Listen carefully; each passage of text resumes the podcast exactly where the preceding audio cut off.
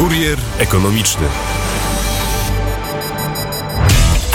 Sponsorem kuriera ekonomicznego w Radiu Wnet jest Polski Fundusz Rozwoju.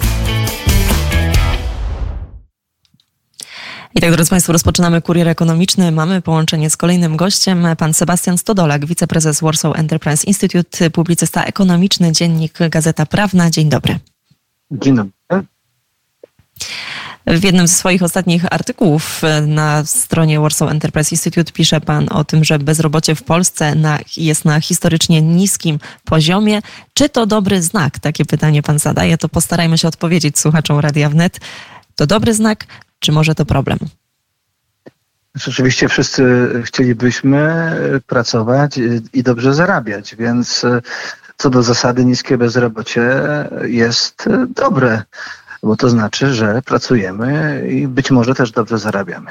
Natomiast y, to zjawisko, które mamy obecnie, nie wynika e, z szczególnie prężnej gospodarki, nie wynika z tego, że rozwijamy się w jakimś wyjątkowo szybkim tempie. W tym roku przecież, przypominam, tempo wzrostu PKB ma być poniżej 1%, a wynika z innej przyczyny, z przyczyny demograficznej czyli ubywa po prostu rąk do pracy względem potrzeb gospodarki.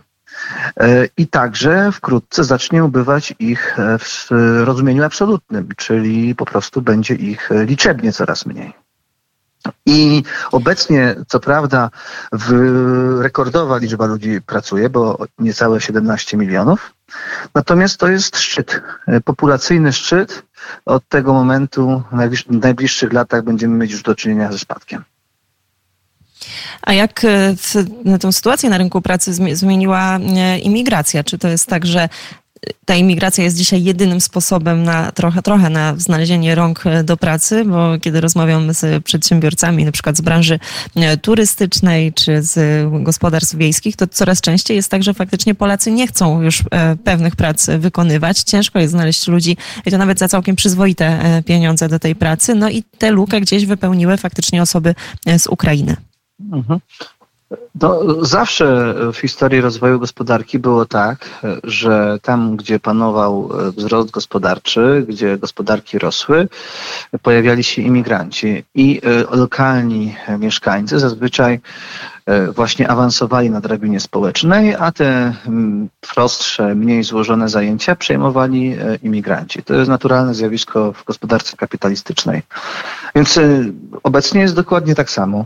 Nie jest to nic e, szczególnego, nic wyjątkowego i e, imigranci są z tej przyczyny potrzebni, ponieważ oni pozwalają nam, Polakom, kształcić się lepiej, awansować e, wyżej w firmach, zakładać własne firmy, podczas gdy imigranci wykonują te prostsze zajęcia, rozwożą jedzenie, jeżdżą taksówkami i tak dalej. Gdybyśmy my wszystko musieli robić, no to wówczas siłą rzeczy wiele osób marnowałoby swoje talenty. Więc jakby e, efekt e, netto imigracji jest pozytywny dla gospodarki. I imigracja z Ukrainy przede wszystkim E, na pewno jest pewną taką poduszką powietrzną problemów demograficznych Polski. Chociaż oczywiście po wojnie, gdy ubyło mężczyzn e, z Ukrainy, którzy pracowali na budowach, a pojawiły się kobiety z dziećmi, no to ta e, luka imigracyjna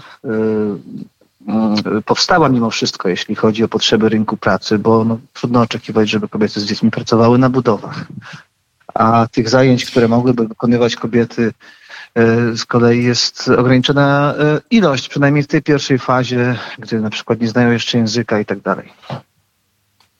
To teraz jeszcze na moment spójrzmy w kierunku Rosji, a w, w, dokładniej w kierunku gospodarki rosyjskiej, ale tutaj w kontekście tych sankcji, które są nakładane mhm. przez, e, przez Unię Europejską, przez Zachód. Co możemy powiedzieć no, z perspektywy już tego przeszło roku? Na pewno wiemy, że kolejne te pakiety sankcji no, świadczą o tym, że te poprzednie nie są e, być może wystarczające. Jak, jak, jaka jest pan, Pana opinia w tym temacie?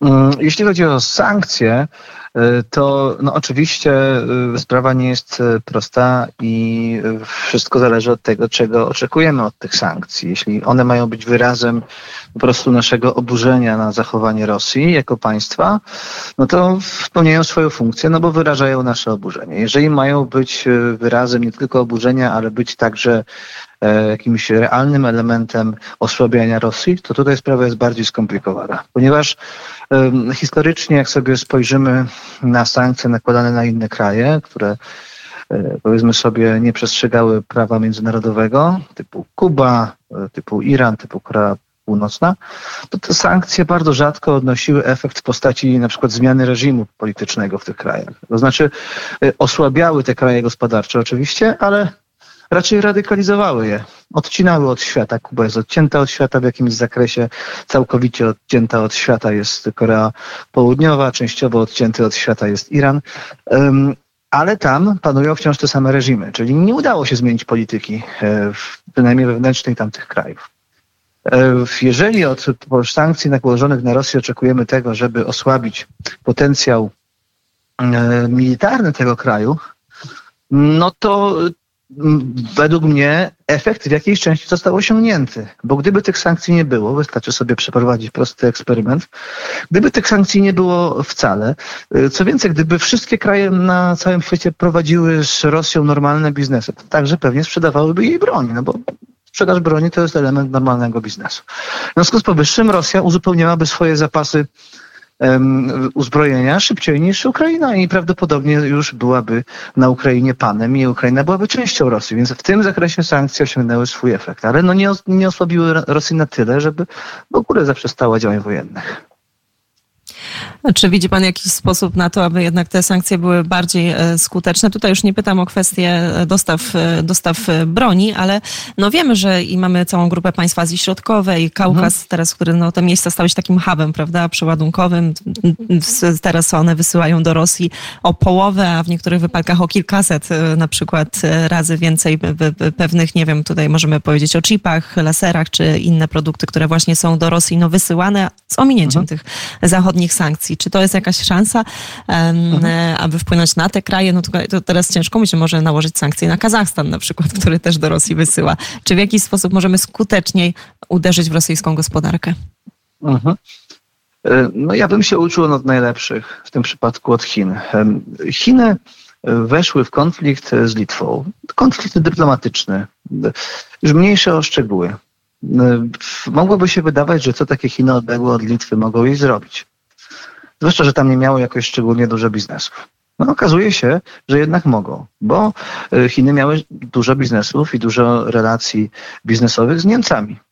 W związku z tym zaczęły naciskać e, e, na niemiecką stronę, żeby nie eksportowała i nie współpracowała ze stroną litewską pod groźbą zaprzestania na przykład dostarczania tej niemieckiej stronie jakichś komponentów.